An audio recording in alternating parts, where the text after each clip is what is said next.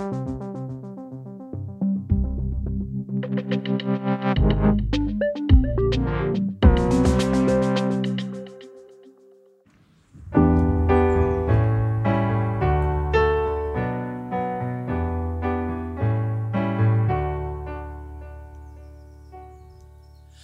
den, som er sig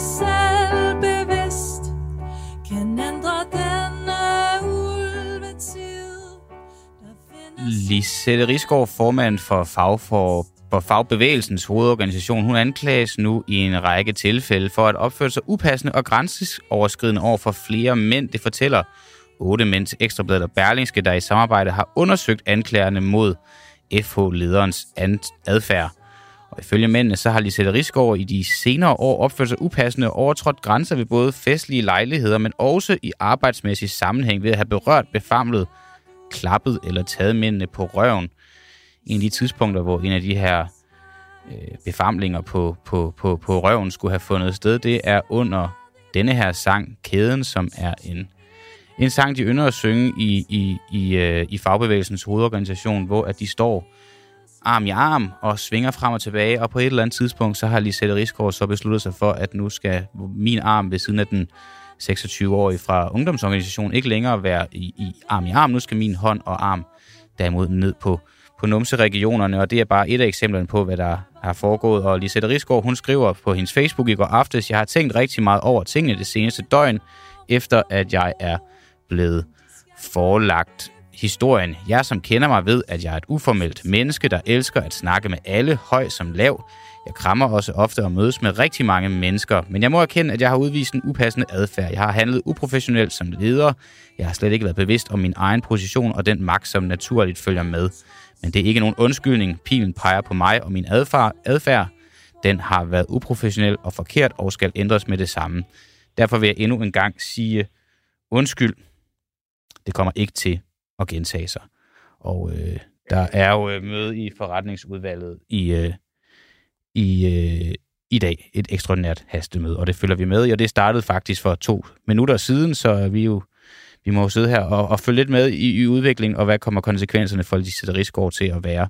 Lisette Rigsgaard, som også bliver kaldt for Danmarks mest magtfulde kvinde lige efter Mette Frederiksen. Og god morgen til dig. Og der sker virkelig, virkelig mange ting i, i dag. Der er også eksplosioner i Ukraine, og øh, dem skal vi også ind på lige om lidt. Men for lige at holde øh, snuden i sporet, så er vi nødt til at, at, og, og, og, og, og ligesom at fokusere lidt.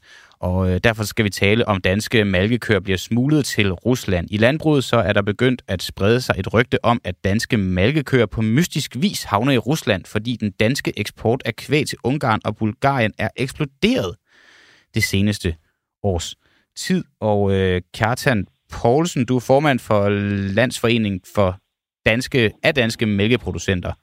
Forklar, hvad rygtet her det går ja. ud på, og hvad rationalet er. Og så godmorgen til dig.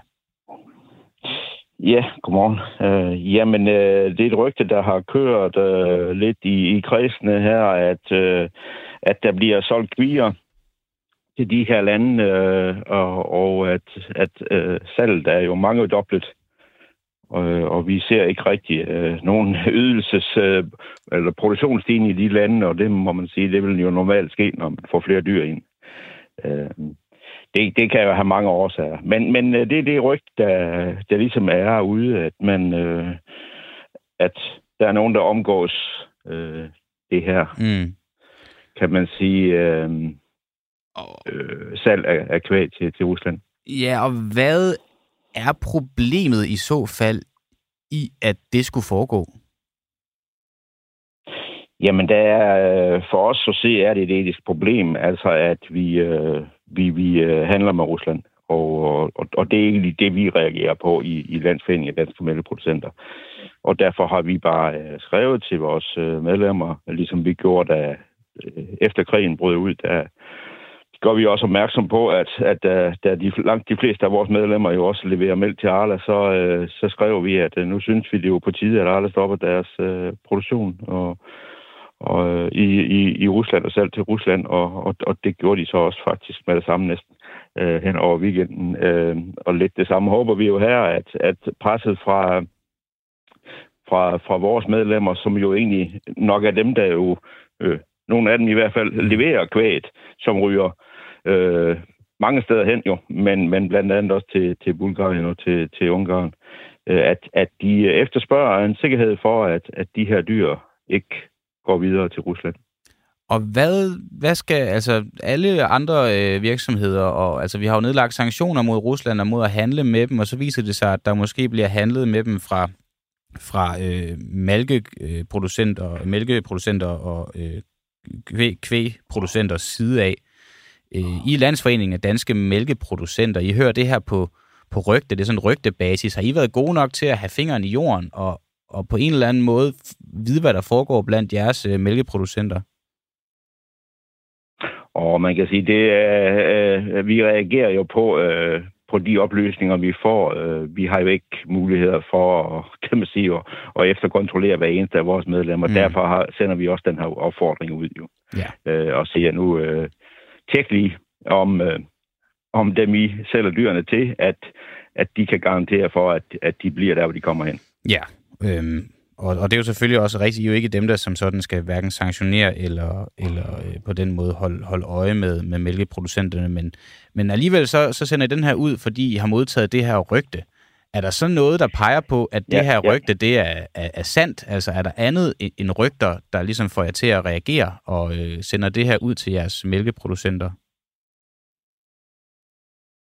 Nej, det kan man sige, det, øh, det, det er der jo ikke, øh, fordi at jeg har ikke øh, et billede af en ko med danske øremærker, mm. der, der står i Rusland.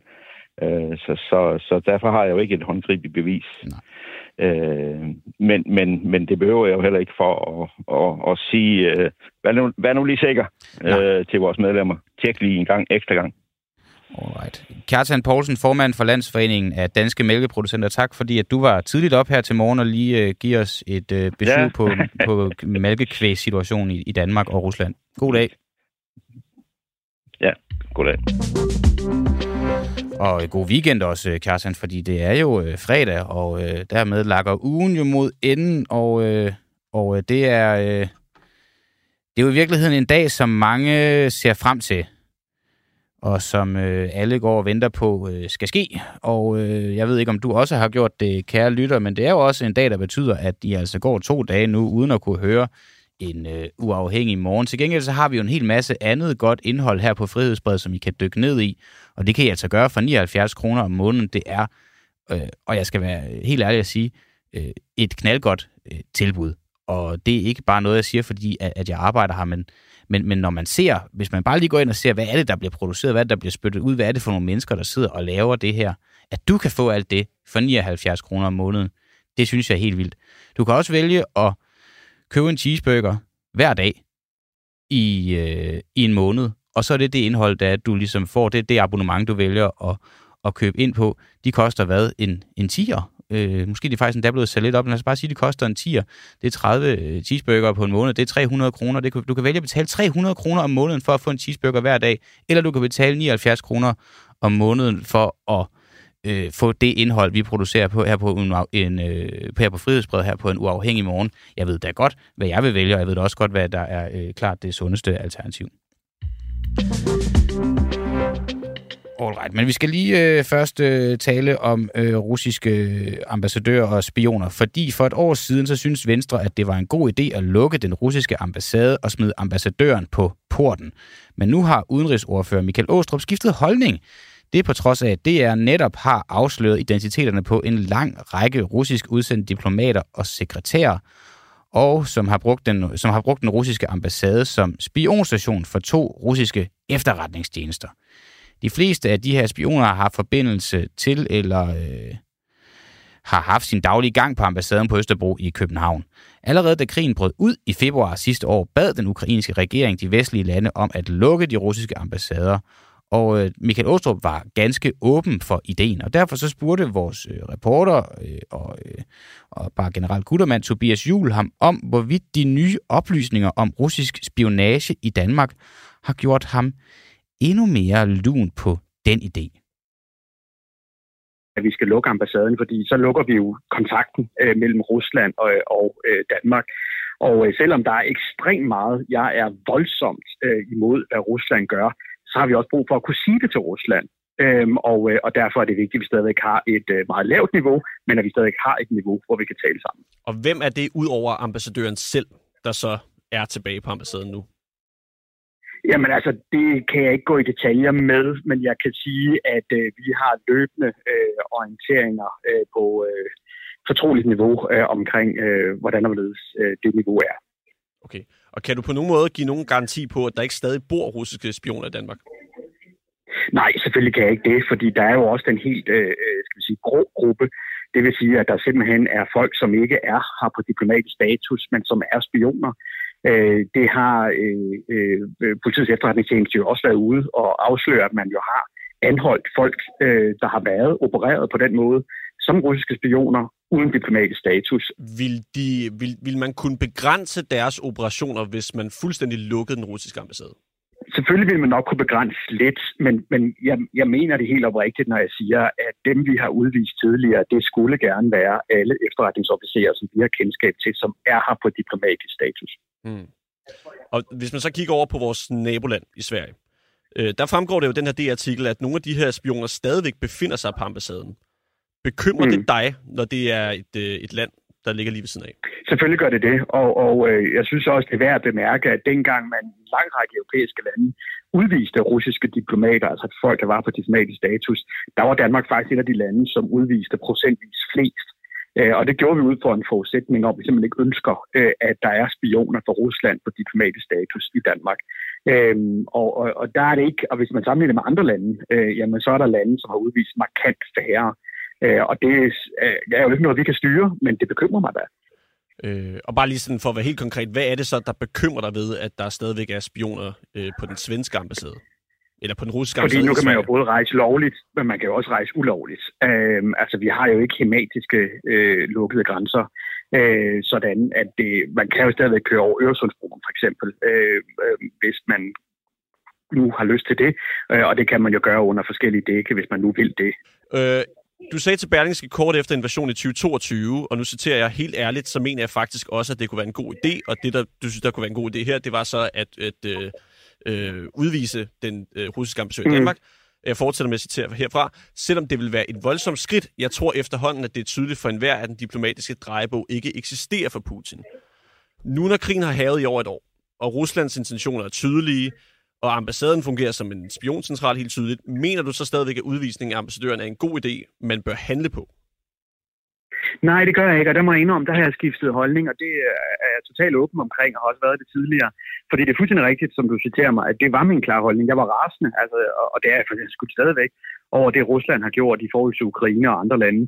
Øhm, og, og, og, og et af de øh, gode redskaber, synes jeg, at man kunne gøre, det var at udvise ambassadøren. Problemet er bare, at med det, som der sker også mod Danmark fra russisk side, jamen så har vi brug for at kunne øh, i talesætte det, altså simpelthen råbe og skrige af nogen, for nu at sige det meget udiplomatisk, øh, og banke i bordet over for nogen. Øh, og det kan vi jo kun, hvis der er nogen at tale med.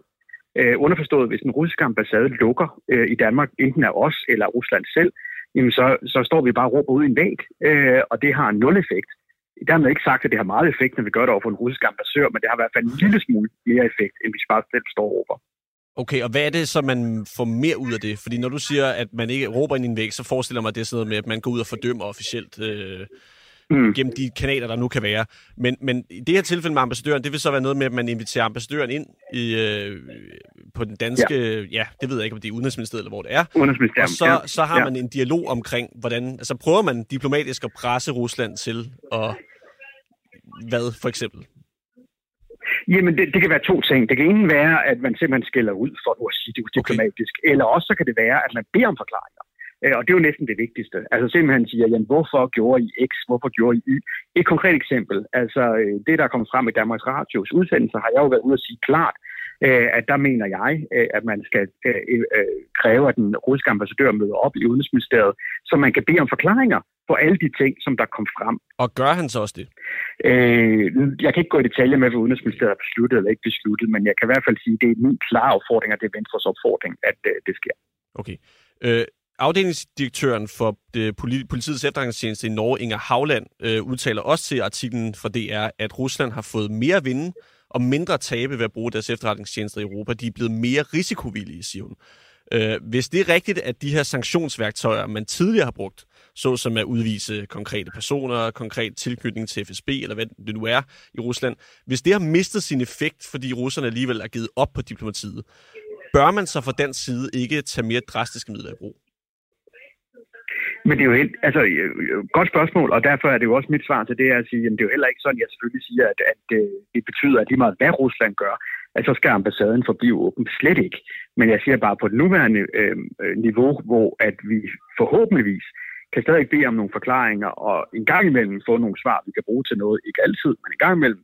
Jamen, så mener jeg, at det er vigtigt, at hvis det ender i et endnu mere højspændt niveau, jamen så afviser jeg ikke, at det kan være nødvendigt at okay, lukke. Hvad, hvad, hvad kunne det være for eksempel? Hvad, hvad skal der til for, det kan, altså, at det er et skridt, vi vil jamen, tage? det er jo svært at spå om. At, at, det er jo meget svært at spå om, for det kommer selvfølgelig an på en afvejning. Øh, men, men, øh, men, men i hvert fald på, for nuværende mener jeg stadig, at ambassaden skal lukke. Okay, men du vil alligevel ikke afvise, at der kunne være et hypotetisk tilfælde, hvor det godt Nej. kunne være et greb, vi brugte? Præcis.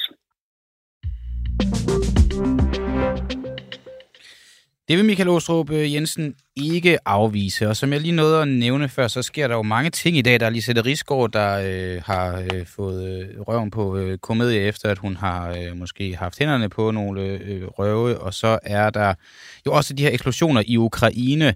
Det er tidlig fredag morgen meldinger om eksplosioner flere steder i Ukraine, her blandt i hovedstaden Kiev, og øh, det er faktisk en lang række dele af Ukraine, der lige nu bliver ramt af af, øh, af, af, af missil, russiske missiler og bomber, og vi dykker ned i det lige om lidt, men øh, jeg, vi har en halv aftale med Rasmus Tandholt. Han sagde, at vi bare skulle prøve at ringe.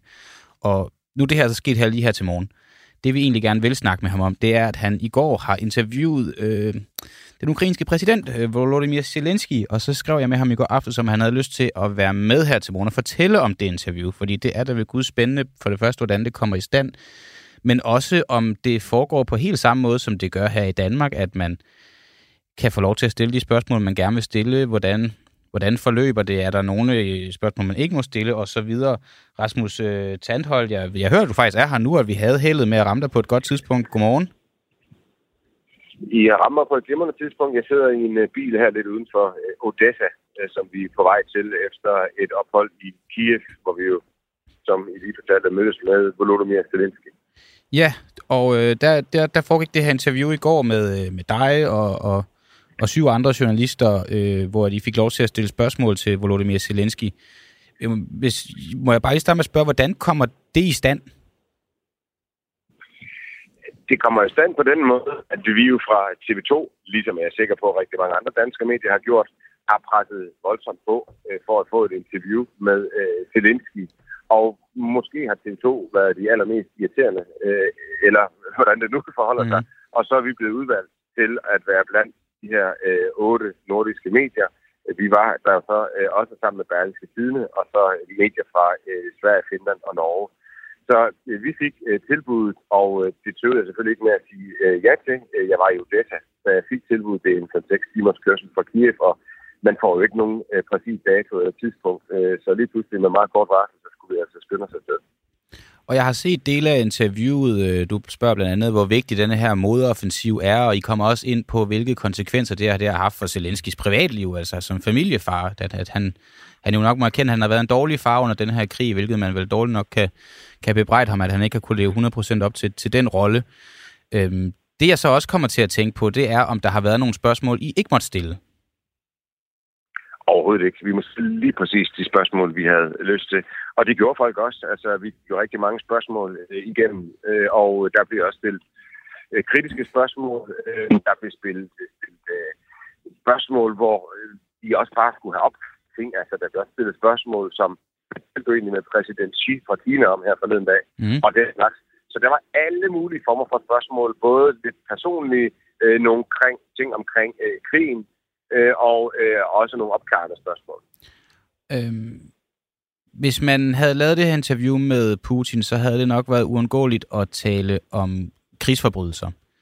Øh, og det er jo den nuance, som du også har med til at nuancere her hos os faktisk, øh, når vi har haft dig med, at, at selvom Rusland begår krigsforbrydelser, så gør Ukraine det jo sådan set også. Talte I med Zelensky om de ukrainske begåede krigsforbrydelser? Det var der ikke nogen, der stillede spørgsmål omkring. Han har jo svaret på det øh, tidligere, og hans svar kan fortælle dig, hvad det vil være. Det vil være, det er klart, at i alle øh, øh, herrer rundt omkring i verden er der altid brødende kar. Øh, det var der blandt andet også i de amerikanske øh, i, under Irakkrigen. Og øh, vi stiller folk for en øh, domstol, hvis de begår krigsforbrydelser. Det er imod vores principper øh, og så videre. Øh, det er ikke noget, jeg giver ordre til. Det vil være hans svar. Det er det svar, han har givet tidligere, og det er også det naturlige svar. Han vil måske også sige, men når det er sagt, altså vi har jo ikke bedt russerne om at komme her. Det kan jo sådan set bare smutte. Så er der ingen krigsforbrydelser. Nej, nej, det er det. Så I fik faktisk lov til at, at, fordi det var min første tanke, det er, at det her det er simpelthen ikke gået igennem, uden der er blevet øh, benævnt nogle spørgsmål, der ikke må stilles, eller noget, der ikke må berøres, fordi det er jo øh, også, altså det, uanset om, hvordan man ser situationen eller ej, en anspændt situation for ham at stille op til interview, uanset hvad, fordi at det er en betændt situation, altså det er mildt talt. Øh, men der var simpelthen ikke noget, I ikke måtte spørge om. Overhovedet ikke, og der, vi har heller ikke skulle fortælle på forhånd, øh, hvad vi ville spørge om. Der var heller ikke nogen restriktioner på, hvor mange spørgsmål. Altså, vi fik at vide, at vi ville få en time til halvanden, men endte med at få to. Mm. Og hans meget, meget velvilligt, også på kritiske spørgsmål. Ja. Øh, men øh, jeg oplever generelt ikke, at jeg skal fortælle mine spørgsmål på forhånd. Det ønsker jeg jo ja. heller ikke. Jeg husker, at jeg engang interviewede den syriske præsident og diktator, vil mange nok kalde ham præsident af Bashar al-Assad. Der skal jeg heller ikke fortælle, hvilke spørgsmål jeg stillede først. Øh, okay. Øh, og de vil jo heller aldrig indgå i, i hvert fald ikke, hvis der er spørgsmål, jeg ikke må stille. Sådan en kontrakt har jeg ikke lyst til at være med underskriver af. Hvad er sådan det vigtigste, du tager med dig fra det interview med Ukraines præsident Volodymyr Zelensky?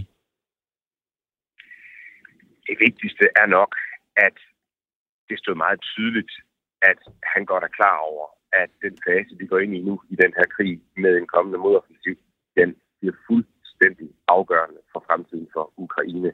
Han kaldte det selv ekstremt vigtigt, og jeg stillede spørgsmål i forhold til, hvorfor den ikke gået i gang endnu. Folk er utålmodige og I har fået mange af de våben, I skal bruge. Øh, og han vævede lidt i sit svar, men han vævede ikke, da han skulle forklare, at de næste par måneder bliver totalt afgørende. Fordi hvis Ukraine ikke lykkes med den offensiv, og ikke kan skubbe russerne væk, og det har vist sig de seneste måneder, at russerne kan heller ikke skubbe ukrainerne væk, hvad er så næste skridt? Hvad er så det næste, der skal gøres? Vil de så kræve og ønske nye, øh, endnu større våben fra NATO, eller endnu flere, eller hvad, hvad, hvad, hvad, er det så, der skal ske? Mm. Og der ved godt, der ved han godt, Zelensky kunne man tidligt fornemme på ham, at der er en stor, stor byrde på hans skuldre nu, fordi det, er, det skal lykkes. Det skal lykkes. Og så havde han et andet budskab, og det var en slet skjult kritik af, Dan- af Danmark og de øvrige øh, vestlige allierede. Lad nu være med at være så bange for Rusland. I var bange i starten. Det var derfor, I ikke gad at give os våben. I var bange for hans atomvåben. I har set det værste fra Rusland nu. I skal ikke være bange mere. I skal ikke være bange for Rusland. Det er også et væsentligt pointe. Og øh, bare lige her til sidst, for nu ser vi jo så her til morgen øh, eksplosioner mange flere steder i, i Ukraine. Du er i Ukraine, du var lige uden for Odessa, mener det var, du sagde. Øh, kan du bare lige hurtigt oprids for os, hvad, hvad er det, der sker i Ukraine lige nu? I, vi er overnattet i en by mellem øh, Kiev og Odessa i nat, hvor vi var nødt til at stoppe ind på grund af udgangsforbud, der begynder klokken midnat. Og øh, en by, ja, for at være helt ærlig, aldrig har hørt om før, der hedder Oman. Og lige præcis den by blev ramt i nat ret voldsomt, og det kunne jeg jo godt høre, da jeg lå og sov. Øh, vi hørte voldsom eksplosion, men jeg lod det ligge, fordi øh, jeg kunne ikke lige vurdere, hvad det var. Men da vi vågnede, gik det op for os, at en hel boligblok var stort set faldet sammen og der var flere sårede. Øh, det var ikke noget, vi selv så, men det var noget, jeg kunne se på sociale medier, der skete meget tæt på, hvor vi øh, opholdt os. Og derudover ved vi, at et øh, treårigt barn og en øh, ung øh, mor i byen Dnipro er blevet dræbt, fortæller borgmesteren. Vi får også at vide, at der har været øh, 12 missiler ind over Kiev, der er blevet skudt ned af ukrainske øh, luftforsvar, siger myndighederne der. Mm. Det er jo alt sammen noget, vi har fra øh, Ukraine. Så det har været omfattende øh, i nat, efter vi ellers har haft en lang periode, hvor vi ikke har set den her form for missilegreb fra russisk side.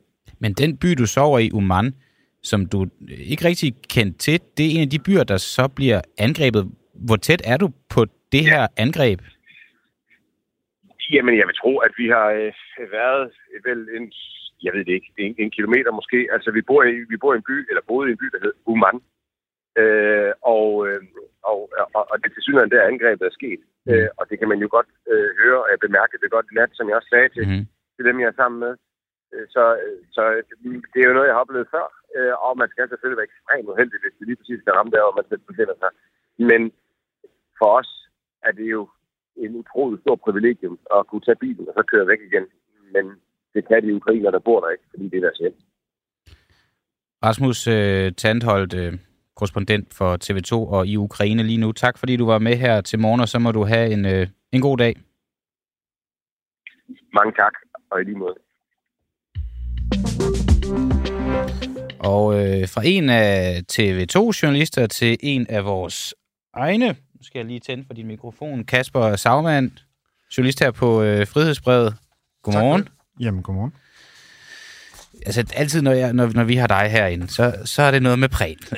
og nu, Det er det igen. du, nu er det sgu det igen, men, ja. men det er ikke kun øh, præn. Øh, Frihedsbrevet de kan i dag afsløre, at udenrigsminister Lars Løkke Rasmussen ifølge to eksperter har vildledt Folketinget i sagen om tidligere udviklingsminister Rasmus Præns skatteyderbetalte middag på restaurant Unditi i København. Og det er jo dig, der er manden bag det her, Kasper. Kan du ikke oprise, hvad er det nye i den her sag? Jo, det nye er, at vi her på Frihedsbrevet bringer en historie i, i marts, hvor vi ligesom fortæller, at den her praksis, som Udenrigsministeriet har haft, hvor de har sagt, det er nok, at Rasmus Prehn bare siger, at det var en journalist, han har spist med, den havde vi nogle eksperter og Rigsrevisionens ord også, og retspraksis også øh, i sidste måned, der sagde, det er simpelthen ikke rigtigt. Og på den baggrund blev der stillet nogle folketingsspørgsmål, og hvor de blandt andet blev spurgt, jamen, har I tænkt jer at fortsætte med, med kun at kræve øh, en titel? Altså, det er nok, jeg var ude at spise med en journalist, eller en sælger for den sags skyld, Mm. eller en, en pædagog, eller hvad det nu kan være. Og der er Lars Løkke, som jo nu er udenrigsminister, øh, som var der, hvor Præns ministerpost lå under udviklingsministeriet. Der siger Lars Løkke i det her folketingssvar, at Udenrigsministeriet efterfølgende er blevet bekræftet af Rigsrevisionen i, at det er nok med en titel. Og Mm. mm. at de i øvrigt øh, i forlængelse af det forstår, at øh, der har blevet sendt en præcisering til frihedsbrevet. Og da jeg læste det folketingssvar 12. april, der var jeg lige ved at tro, at jeg havde øh, fået et eller andet øh, ja, øh, euforiserende og, og, og ryge, var lige ved at sige. Oh. Det, det var i hvert fald meget... Øh, Og det ved jeg jo, at du ikke vanligvis gør. det gør jeg faktisk aldrig. Nej. Så, så nej, det var, øh, det var meget, øh, meget, øh, meget speciel oplevelse. Så jeg skyndte mig at ringe til Rigsrevisionen og sige, hvad er nu det for noget? Mm. Har, I, har I fuldstændig øh, vendt på en tallerken, og, og hvad er det i øvrigt for noget med en præcisering? Og da jeg taler med, med dem, så siger de nej. Det kan vi ikke genkende, og den præcisering, det må, det må du tage med Udenrigsministeriet. Det, det er ikke et ord, vi bruger. Og det har jeg også på skrift. Øh, Så det var jo Okay. ret vildt. Øhm, Så det er egentlig det, hvor jeg så har talt med nogle eksperter, en professor i øh, forvaltningsret, og en, øh, en, også en, en, en, der har en doktorgrad i jura fra Københavns Universitet, og ligesom siger, det her svar fra Lars Lykke, hvor han dels siger, jamen, øh, vi forstår, at det er nok med en titel, og i øvrigt øh, det her med at øh, gengive nogle ting, som Rigsrevisionen øh, ikke lige støtter op om i hvert fald. Hvad er jeres vurdering af det? Og der er de her to eksperter sådan entydige vurdering, det er, det er vildledning. Og vildledning er jo et brud på ministeransvarlighedslovens paragraf 5 stykke 2, som det hedder. Og det var jo øh, den, der har været i spil også i forbindelse med, med Støjbergs-sagen og så videre. Og altså, ja, mange gange øh, Mm. har vi efterhånden set det gennem tiderne, at nogen har vildledt, men det må man simpelthen ikke. Så, så det nye er, at, at øh, ja, Lykke nu kommer ind i sagen sådan lidt uforvarende, fordi han ligesom skal svare på spørgsmål fra sin fortid, øh, fra ting, der tidligere er sket i, i det samme ministerie, og han så får sagt nogle ting, som, som ifølge de eksperter er, er, er forkert og vildledende. Så Lykke, han øh, vildleder ved at sige, at øh, Rigsrevisionen siger noget, de ikke siger, og øh, i tale til nogle regler, som værende på en måde, de ikke er. Det vil man jo også kunne kalde og tale usandt, og hvis det er med bevidst bevæggrund og lyve. Det kunne man sagtens øh, finde på at bruge de ord. Det er også der, hvor jeg er interesseret i at høre, hvorfor siger han det her? Mm. Så derfor så stiller jeg jo straks spørgsmålet, da jeg ser det her svar. Det, første, jeg gør, øh, lige efter jeg ringer til Rigsrevisionen, det er, at ja, for jeg ringer selvfølgelig til Rigsrevisionen først og siger, er det rigtigt? Og det siger de så nej til. Så derfor så, ring, så skriver jeg en mail til Udenrigsministeriet, hvor jeg også skriver, hvordan er Udenrigsministeren kommet af den opfattelse, at øh, der skulle have været øh, behov for en præcisering og så videre, på hvilket grundlag er det, og hvordan skulle den præcisering så i øvrigt have lyttet? Og det vil de ikke svare på. Øh, og der kan man jo argumentere for, at det vil være meget øh, belejligt for dem. Øh, det kunne nok, man kunne godt argumentere for, at det ville være en god ting for dem, hvis de kunne lægge frem og sige, prøv at høre, det er det, vi har fået fra Rigsrevisionen, det er Mhm. det, vi forholder os til. Hvis det er forkert, så er det ikke vores skyld. Men de simpelthen ikke vil lægge grundlaget frem. Øh, og det kan man jo så øh, også øh, spekulere i, hvis man er i den, hvis man er, øh, har, har anlæg til det, øh, i hvorfor de ikke vil det. Men jeg, Ja. jeg giver dem i hvert fald en chance mere i den her uge, øh, hvor jeg skriver til dem onsdag, og siger, nu har jeg to eksperter her, der kritiserer det i skarpe vendinger, at I, øh, at I ligesom siger, giver det her svar. I får altså lige en chance mere. Hvorfor er det, I siger det her? Mm. Og igen, Udenrigsministeriet har ingen kommentar. Ingen kommentar. Nej. Det er jo øh, død ærgerligt, øh, også fordi, at de måske på nuværende tidspunkt har erfaret, at det er jo ikke det, der, der, der stopper dig i denne her øh, prænsag, at der ikke er, er nogen kommentar. Jeg kan bare, jeg kan have virkelig, virkelig svært at forstå, og vi skal jo heller ikke spekulere for meget, fordi det er jo ikke det, vi er sat i verden for. Men jeg kan så forstå, hvorfor Lars Lykke, han, han udtaler, som han gør, om det er for at dække over Rasmus Prehn, altså... Hvad, det, hvad, hvad, hvad, hvad, hvad, hvad kunne motivation være for at udtale sig vildledende, i værste fald at lyve? Altså man kan sige, øh, hvis man ligesom skal tage det sådan, det er jo selvfølgelig Lars Lykke, der afsender på det her svar. Men om det selv, om det er ham selv, der har siddet en sen nattetime og formuleret det her svar, det er nok tvivlsomt. Det er nok, øh, kunne man måske øh, godt have en, en tanke om, at det er en jurist øh, eller mm. en anden ansat i Udenrigsministeriet, der har ligesom har, har, har formuleret det her svar på en eller anden måde, fordi de ligesom øh, ja, der, der, der ligger jo nogle regler, underliggende regler. Der ligger jo flere forskellige, men der ligger også det, der hedder en vejledning fra, fra, fra statsministeriet, der hedder vejledning om ministres udgifter, hvor der ja. er nogle formuleringer. Men det er nogle formuleringer, som man kan tolke på forskellige måder, kan man sige. Men der var det så, at jeg i den første artikel, jeg skrev, ligesom fik, fik, øh, fik dokumenteret øh, ved udtalelser fra Rigsrevisionen, hvordan det er, de skal tolkes, de her mm. regler. Ligesom retspraksis. Jeg fandt jo den gamle Brikstofte-dom fra 2007, hvor man kan se, at Brikstofte blandt andet bliver dømt efter straffelovens øh, øh, paragraf om embedsmisbrug, fordi han har en middag, hvor han faktisk siger, hvem han spiser med, men alene det, der ikke er et formål med mm. det, det er nok til, at han bliver dømt for embedsmisbrug, og han har, og han bliver også dømt for mandatsvig i et andet tilfælde for os, øh, noget, der er sammenlignet. Så, så det, det kan undre mig, at de, øh, at de kommer med det svar, fordi Rigsrevisionen er så entydig, og, øh, og ligesom øh, ja, jo altså ikke har, har ændret holdning, øh, må man forstå. De har ikke ændret holdning og taler faktisk øh, ret meget lige ud af, ud af posen. Det her det er jo øh, ekstremt øh, kringlet og, og kompliceret, og måske er det, er det noget, der sådan virkelig optager øh, øh, sådan nørderne, der, der forstår at sætte sig ind i, i, i det her. Susanne Kjellerup er måske en af dem, Kasper. Hun skriver, jamen godmorgen Kasper, herlig at se dit milde åsyn igen, og det vil jeg også Morgen, sige, at øh, det var. Tak fordi, at du kommer ind her til, til morgen, hele Frihedsbredets øh, Rasmus Prehn, reporter. Og, øh, Må jeg sige en, lille, en enkelt ting? Ja. Bare lige en lille krøl på hælden. Det er jo, at som du siger, det er noget, der optager øh, sådan lidt nørdede typer som mig måske, men Peter Velblom på enhedslisten har nu krævet svar, nyt svar, ah, ja, og, lige, og ligesom siger, vi skal til bunds i det her, fordi ja. det her det er et værn mod korruption og neopotisme, hvis en minister, hvis alle ministerne bare kan gå ud øh, hver aften og, og, og på københavnske beværtninger eller andre steder, få en kvittering med hjem og sige, at jeg spiste med en, øh, med en, med en, en borger, eller en, en lærer, eller en sælger, hvor man ikke kan finde ud af, hvem det var. Så nu så, må vi se, hvad der bliver svaret på det. Så der er en eller anden... Øh, der, er, der er alliance i gang, det er så meget sagt, men der er i hvert fald nogen andre end dig, der også ønsker svar på, på det her spørgsmål. Det må man sige. Kasper Sagmann, journalist her på Frihedsbred. Tak fordi, at du kommer ind her til morgen, og så må du have en god weekend. Selv tak. Og lige med. Ja, og nu skal vi øh, lige hurtigt vende på, på en ting. Øh, Frederik Vad, han, øh, han skrev på Twitter i går, det er bare en lille hurtig, måske lidt ligegyldig ting, men han skrev på Twitter i går, om vi ikke godt kunne stoppe med at kalde det for øh, korsørmanden, altså om danske medier ikke godt kunne stoppe med det. Vi har ikke kaldt ham for korsørmanden her på øh, Frihedsbred, og egentlig så mener jeg, det kan godt være, at også er gået med på den, men det var i hvert fald noget, der startede med BT. Og en af grundene til, at han synes, man skal stoppe med det, det er, at det ødelægger byen og områdets omdømme. Det øh, er i hvert fald en af hans argumenter, som han, øh, som han erklærer sig enig i, da en, øh, en, øh, en, en anden på Twitter skriver til ham, at det er jo det samme med Tønders-sagen. Det har ødelagt Tønders omdømme, og der erklærer Frederik Vad sig helt enig og skriver præcis. Og øh, det kommer vi bare til at tænke på. Er det virkelig rigtigt, at det har ødelagt Tønders omdømme med, med Tønders sagen? Er, er det noget, man mærker til i, i Tønder? Du har og, øh, og ja, nu du har ringet.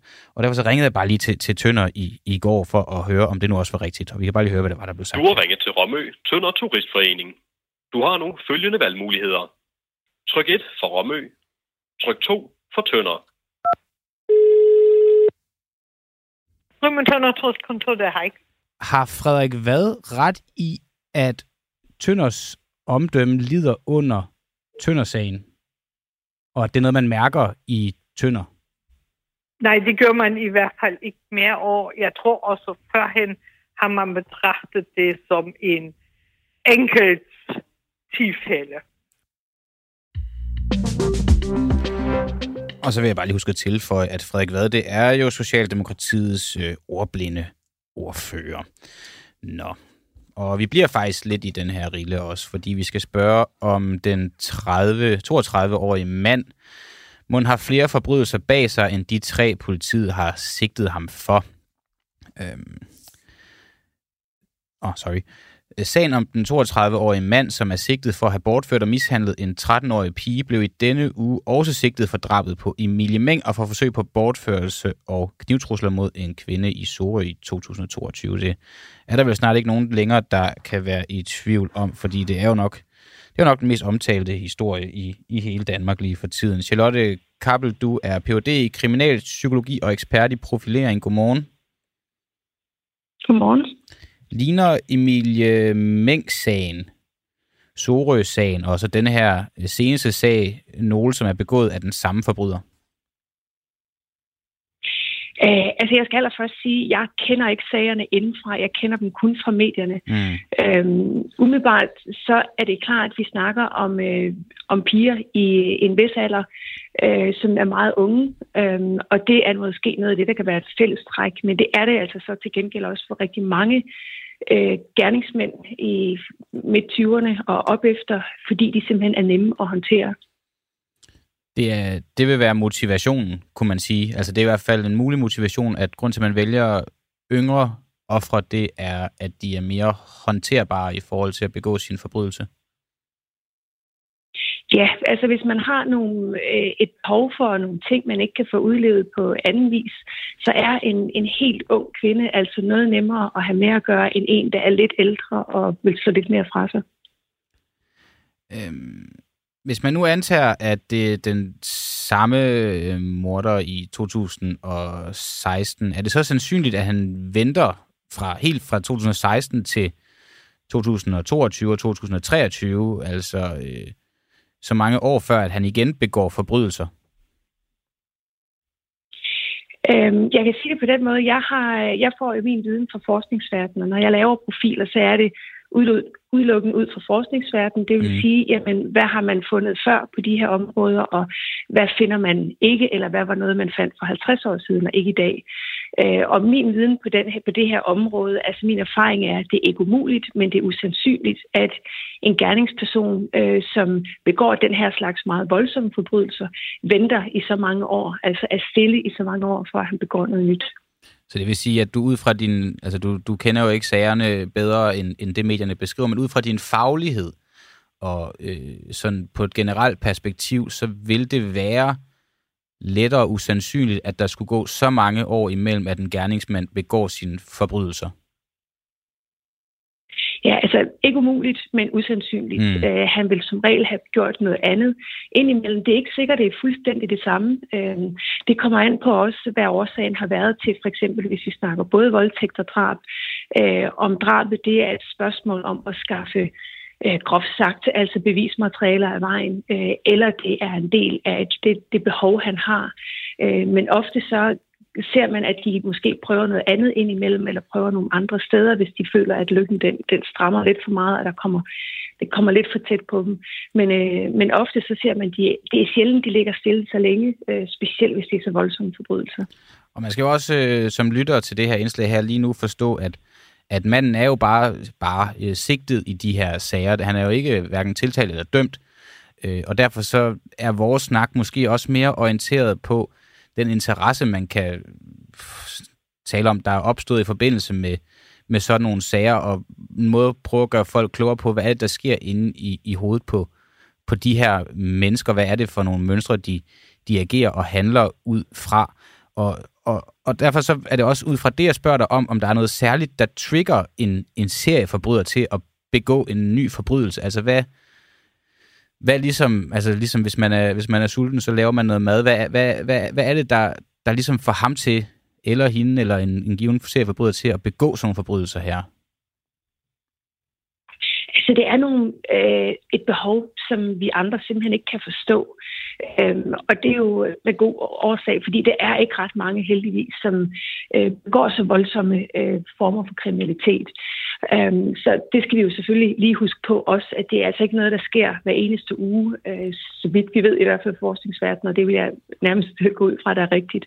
Men det er et spørgsmål om et behov, og en, måske et behov for magt eller for, øh, for at eksperimentere. Man ser tit ved specielt øh, seksuelt motiverede drabspersoner, at de simpelthen har et eller andet form for øh, eksperimenterende. Øh, der er et eller andet eksperimenterende indover, som de har behov for, og som man simpelthen ikke kan få et villigt offer til.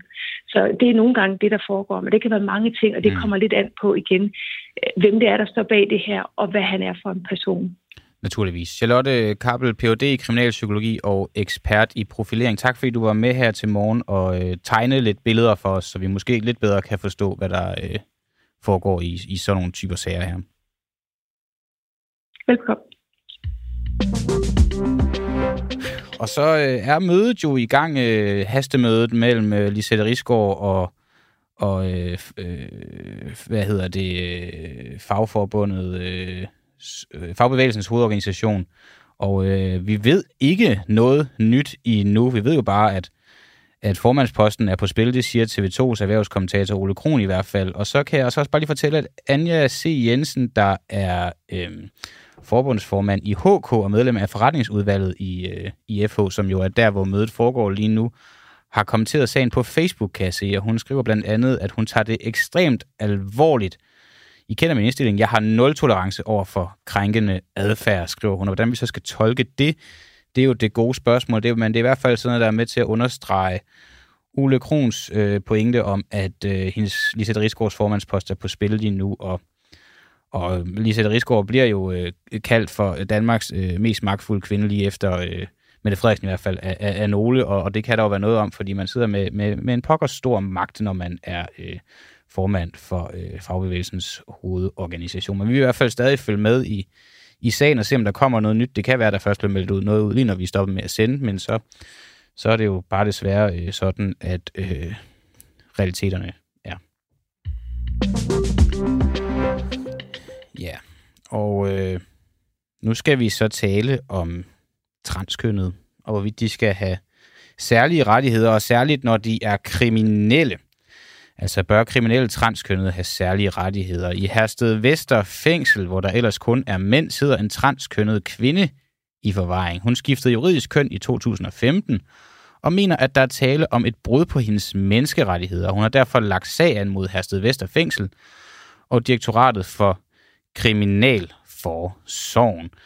Vi skal tale lige om lidt med Julie Stader, forsvarsadvokat hos SKS Advokatfirma. Jeg kunne godt tænke mig, at øh, måske jeg lytter, I kunne, i kunne byde ind på denne her, fordi at jeg ved, det er et, øh, et emne, vi i hvert fald har debatteret her før, hvor vi har erfaret, at, at, øh, at, øh, at I har holdninger. Bør øh, kriminelle transkønnede have særlige rettigheder? Vi har også set det før i sport, at transkønnede øh, kvinder, der tidligere har været mænd, ønsker at spille øh, på kvindelandshold og så videre, og det er der jo nogen, der mener, at der er en eller anden uretfærdighed i, i og med, at de har en, en, en, en mandegenetik, som skulle give dem en eller anden form for, for fordel. Øh, og, øh, og, øh, og det er sådan noget, I så også godt kan byde ind på. Her skal de have en, en, en, en total øh, tilsvarende deres køn, øh, rettergang og øh, dermed også øh, dom, og i det tilfælde også fængsel, som, som, deres, øh, som de kræver grundet deres køn. Det er spørgsmålet, vi, vi stiller, og øh, I skal bare byde ind, og så, øh,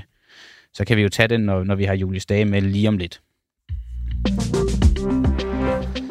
Til gengæld så vil jeg så også lige hurtigt sige, for det er også en anden stor nyhed her til morgen, som jeg faktisk ikke lige forstod omfanget af, før at, øh, at vi kom lidt længere ind i det, men det er, at der er sket et udslip af benzin i Skagen.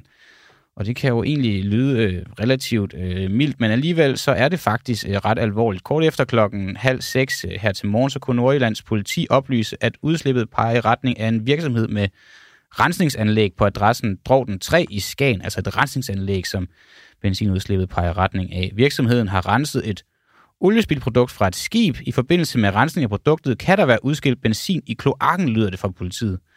Over for TV2 så uddyber vice politiinspektør ved Nordjyllands politi, Henrik Skals, men faren er ikke drevet over endnu, siger han, og opfordrer folk i området til at lufte ud i deres boliger. Borgere i området, der er berørt af benzinlugt, skal desuden skylle godt ud i deres toiletter med videre. Og her understreger han så, at borgere må ikke benytte åben ild og slet ikke i nærheden af kloaksystemet, hvis der lugter af benzin, lyder det fra Nordjyllands politi. Så du må altså ikke smide en øh, tændstik ned i dit øh, lokum her til morgen, hvis du har en eller anden lidt bizarre rutine med, med, med at gøre det. Øh, og øh, det er med en opfordring, der er givet videre. Så skriver, øh, bare lige for at blive den her øh, Lisette Risgaard øh, øh, historie, Kvindfos formand Henriette Laversen skriver, at det handler om magt, når topchef udøver uønsket seksuel opmærksomhed over ansatte. Øh, det gælder uanset chefens køn. Virkningen af uønsket seksuel opmærksomhed for den krænkende kan dog virke forskelligt alt efter køn. Virkningen af uønsket seksuel opmærksomhed for den krænkende, krænkede kan dog virke forskelligt alt efter køn. Det er en lidt, det er en lidt interessant udtalelse fra Henriette Laversen. Og øh, jeg synes faktisk, vi skal prøve at se, om vi lige kan, kan, kan, kan finde nummeret på, på Kvinfo, og så prøve at, at ringe op for måske lige få en uddybning på, på den udtalelse her til morgen. For ellers så går der en hel weekend, før vi kan tale om det igen, og det kan vi selvfølgelig også godt. Altså, jeg kan sige, hvis vi ikke får ind på her til morgen, så vil vi i hvert fald prøve at få det, få det til på, på mandag. Så nu ved jeg, at Oliver Nuppenau, der sidder ude i regien, og måske kun lige har fået løftet fingrene fra hans øh, skål med guldkarameller, han måske kan prøve at finde nummeret på, øh, på øh, Henriette Laversen, eller i hvert fald bare en fra, øh, fra Kvinfo. Og øh, til gengæld så vil jeg så, i forhold til det, vi lige talte med Rasmus øh, Tandholt om tidligere, omkring de her angreb, der er i Ukraine lige nu, dem kan godt, at vi lige skal gå lidt længere ned i, i, i dem. Øh, men det kan være, at vi skal gøre det lige om lidt, faktisk. Ja, det er totalt levende radio, det her. Øh, og, øh, og, og, og, øh, og vi har fundet en, en, en pressekontakt til, øh, til øh, Kvinfo. Øh, og, øh, og spørgsmålet er, om, om, om vi skal prøve at, at ringe. Det skal vi nok ikke gøre live i radioen, men måske vi skal, vi skal lige skal prøve at ringe og høre om Henriette Larsen. Hun, hun, hun kunne have tid til et hurtigt interview. Nå, lad os bare lige hurtigt dykke ned i de her eksplosioner i Ukraine, fordi det er tidligt fredag, der er tidligt fredag morgen meldinger om eksplosioner flere steder i, i Ukraine, i, blandt, øh, her blandt hovedstaden øh, øh, Kiev. Og øh, det skriver det ukrainske nyhedsbyrå Interfax, øh, ifølge nyhedsbyrået Reuters. Derudover er to blevet dræbt i den central ukrainske by Dnipro, en kvinde og et treårigt barn, efter der tidlig fredag morgen blev indsat luftangreb også her. Og det var øh, blandt andet også noget af det, Rasmus Tandholt talte om. Og russiske styrker har også angrebet byen Uman, som han også talte om. Og det var jo der, hvor Rasmus øh, Tandholt han, han lå og sov, øh, lige imens at de, øh, de angreb de fandt sted. Og det oplyser regionens øh, guvernør Ihor Taborets på Telegram. Og øh, så er der også meldinger om, at alle ukrainske positioner i byen Majrinka i Donetsk-regionen er udsat for russiske angreb. Det siger Denis Pushlin, fungerende kommandør i Folkets Republik Donetsk, som Rusland kalder Donetsk-regionen. Og det er altså en nyhed, der kommer ind fra, øh, fra øh, det russiske nyhedsbyrå TASS. Men øh, jeg tror lige, vi parkerer øh, noget af det her og øh, hopper videre til øh, noget, der øh, måske optager nogle i enhedslisten. Vi skal i hvert fald tale med politisk ordfører i enhedslisten, Maja Villassen, lige om øh, et ganske kort øjeblik. Fordi har skiftende regeringer regeringer i årtier set gennem fingre med Mærsks lovbrud. For en måned siden så kom kammeradvokaten med en rapport, der konkluderede, at Mærsk i årtier har fået godkendt deres olieboringer i Nordsøen fejlagtigt og i strid med gældende miljøregler. I går så var klima-, energi- og forsyningsminister Lars Ågaard samt miljøminister Magnus Heunicke kaldt i samråd af enhedslistens Maja Villersen for at redegøre for konsekvenserne af Mærsks manglende miljøgodkendelser. Og øh, Maja Villersen, politisk ordfører i enhedslisten, godmorgen. Godmorgen til jer. Mistænker du, at skiftende regeringer bevidst har lavet Mærsk bryde reglerne? Jeg har i hvert fald ikke noget bevis for, at det ikke er sådan. Og som du jo også lige har ridset op, så, øh, så har Mærsk jo i 30 år tjent milliarder af kroner på at hælde olie op i Nordsøen i boringer, som jo simpelthen ikke var, har været godkendt korrekt ifølge dansk og EU-lovgivning. Så, øh, så det undrer mig i hvert fald, hvordan den øh, procedure er opstået, og hvorfor den har fået lov til at vare ved i så mange år. Ja, faktisk indtil at Mærsk har været, er blevet færdig med at bore. Det er jo en ret alvorlig anklage, at du øh, mistænker, at regeringerne bevidst har lavet Mærsk bryde reglerne. Det du så baserer den på, som du siger, det er, at du har ikke beviser for, at det ikke er fundet sted. Du har ikke noget håndfast bevis for, at det har. Det, man kan se ud af kammeradvokatens rapport, og også nogle af de agtindsigter, som vi er begyndt at få ind, fordi ministeriet vil åbenbart ikke selv undersøge det her, så så må vi jo gøre det, det er, at der har været en meget tæt dialog med Mærsk og myndighederne. Mærsk beder om at få en undtagelse fra de her miljøundersøgelser, og myndighederne siger faktisk, det kan vi ikke. Så der har været viden om, at det var ulovlig praksis, det her. Mm. På trods af det, så er det fortsat. Og derfor øh, synes jeg, det er væsentligt at finde ud af, om det er bare en fejl, en meget stor en af slagsen, må man sige, som har kørt i, i over 30 år, eller om det er noget, der var politisk sanktioneret dengang. Og jeg vil jo gerne understrege, at det har jo ikke noget at gøre med nogle af de politikere, der, der er her i dag. Det er noget, der er sket tilbage i, øh, i 80'erne og 90'erne. Men øh, jeg synes nu stadig, det er ret væsentligt at, øh, at holde øje med, øh, hvem der får lov at påvirke magten, og om, øh, om det her har været nogle embedsmænd, der har følt sig presset, eller om det simpelthen bare er en, øh, en kæmpe brøler. Lars Ågaard, han siger jo flere gange i går, at han vil se fremad, og der skal flere ressourcer til øh, Energistyrelsen, så en fejl som den her ikke kan ske igen. Er det ifølge dig et forsøg på at fraskrive sig ansvaret? Jeg synes i hvert fald, det er meget ejendommeligt og underligt, at øh, klimaministeren ikke ønsker at øh, få alle sagsakter frem, så vi kan se, om det her faktisk er noget, som blev politisk besluttet dengang, eller ej. Øhm, og altså, så sent som sidste uge øh, var der jo en historie frem i Danmarks Radio, hvor man også kunne se, at der var meget tæt dialog mellem Mærsk og myndighederne. Det var så om noget andet, nemlig at Mærsk gerne ville have, at der ikke kom klimaafgifter på deres shipping øhm, i EU. Og det siger jo noget om, at virksomheder med meget stor kapitalkraft, øh, de, øh, de har selvfølgelig øh, meget tæt dialog med myndighederne, og, og derfor synes jeg, det er vigtigt, at vi får mere åbenhed i sådan nogle sager. Øhm, det her det er jo også en diskussion, vi lidt tager. Øh, altså, det er jo det, der er jo det principielle i det, men så er der jo også bare det, at Mærsk øh, generelt tit bliver anklaget for at have alle mulige fordele, som andre virksomheder i, i Danmark ikke har, blandt andet fordi de, øh, de er så store en virksomhed og indbringer så øh, mange øh, skattekroner osv. Til, til, til, til landet. Øhm, hvis det her det er bevidst, øh, hmm. hvad skulle motivationen så ifølge dig være for at lade Mærsk øh, foretage olieboringer, som er i strid med gældende miljøregler? Altså, hvad skulle det fordægte være i det her? Det er jo meget velkendt, hvordan Mærsk igennem årtierne har haft meget tæt kontakt, øh, sågar med danske statsministre, øhm, og, øh, og på den måde forsøgt at få politisk indflydelse i forskellige grad. Det, der kunne være fordelagtigt i den her sag for Mærsk, er, at de slipper for administrativt bøvl, og så har de jo muligvis, det ved vi ikke endnu, det finder vi forhåbentlig ud af, fået lov til at bore nogle steder, hvor, øh, hvor det har været til stor skade for beskyttet natur, og hvor de måske ikke ville have fået lov, hvis øh, man lavede grundige undersøgelser. Og derfor øh, så synes jeg også, det er ret øh, utroligt, at det nu er os, der skal betale ikke bare for undersøgelserne, men jo også for at genoprette den skade, der måske er blevet begået mod naturen, øh, når det er nogle andre, der har tjent styrtende på det. Mm. Bevares, vi har også fået nogle skatteindtægter ind fra olien, men det er jo Mærsk, der har købt en ene retsbevilling for 40 kroner øh, til at bruge olie i Danmark, og så solgt den for et 60 milliardbeløb.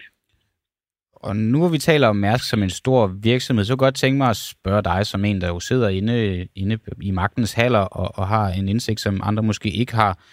Øhm, får man i det hele taget særbehandling som en stor virksomhed i Danmark?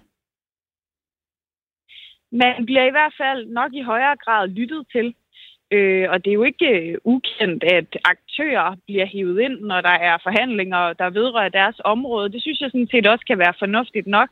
Men øh, jeg vil da gerne stille spørgsmålstegn ved, om, øh, ja, om der er lige så stor øh, indflydelse hos øh, små virksomheder, som der er hos de helt store. Det, det er ikke min opfattelse. Mm. Hvad, øh, altså nu sidder vi her og taler om, at der potentielt set er et problem, og de her olieboringer har fundet sted imod øh, gældende regler og, og så videre. Så skal vi måske også prøve at se, om vi kan, øh, kan, kan, kan, tale, om, kan tale om en, en løsning. Altså, hvad, hvad kunne for dig være, være en tilfredsstillende måde at, at komme øh, videre fra det her på, som Lars Ågaard han jo lægger op til, at vi skal? Ja, altså jeg synes at der skete nogle tilfredsstillende ting på mødet i går, og er glad for, at myndighederne nu endevender alle miljøtilladelser og ser, øh, er det kun i det her tilfælde, man har lavet så store fejl, eller er det egentlig en generel tendens, øh, så der skal ryddes op fremadrettet. Så får man også lavet nogle miljøundersøgelser af havbunden, af de boringsområder, som jo er meget store, hvor, øh, hvor det her har fundet sted, og det, øh, det synes jeg jo også alt andet lige er, kun er fornuftigt at gøre. Vi ved, at vi har et havmiljø, der er presset, men, øh, men i de områder, hvor man jo virkelig har svigtet og brudt lovgivningen, ja, så skal vi da selvfølgelig undersøge det yderligere til bunds. Vi har jo faktisk at tale med nogle områder, som sådan er Natura 2000 områder, nogle områder, der er udpeget af EU som særligt øh, værd at beskytte, så derfor så er det virkelig også vigtigt, at vi får det kigget efter i sømne. Så de ting synes jeg er gode, men det, der undrer mig meget, er, at man fra ministeriets side ikke har tænkt sig at øh, kigge tilbage i papirerne og se på, hov, skete det her på grund af en politisk bestilling, eller var det en fejl? Mm. Øh, jeg synes sådan set, det, det trækker mange tråde til nogle af de store sager, vi også diskuterer i dag, omkring lovbrud og politik, øh, omkring hvordan øh, nogen måske kan kan bestemme, øh, eller fejl kan ske uden, øh, uden vidne, og det, det synes jeg, der er virkelig væsentligt også at få frem i lyset, når det gælder noget, der er sket for, for nogle år tilbage.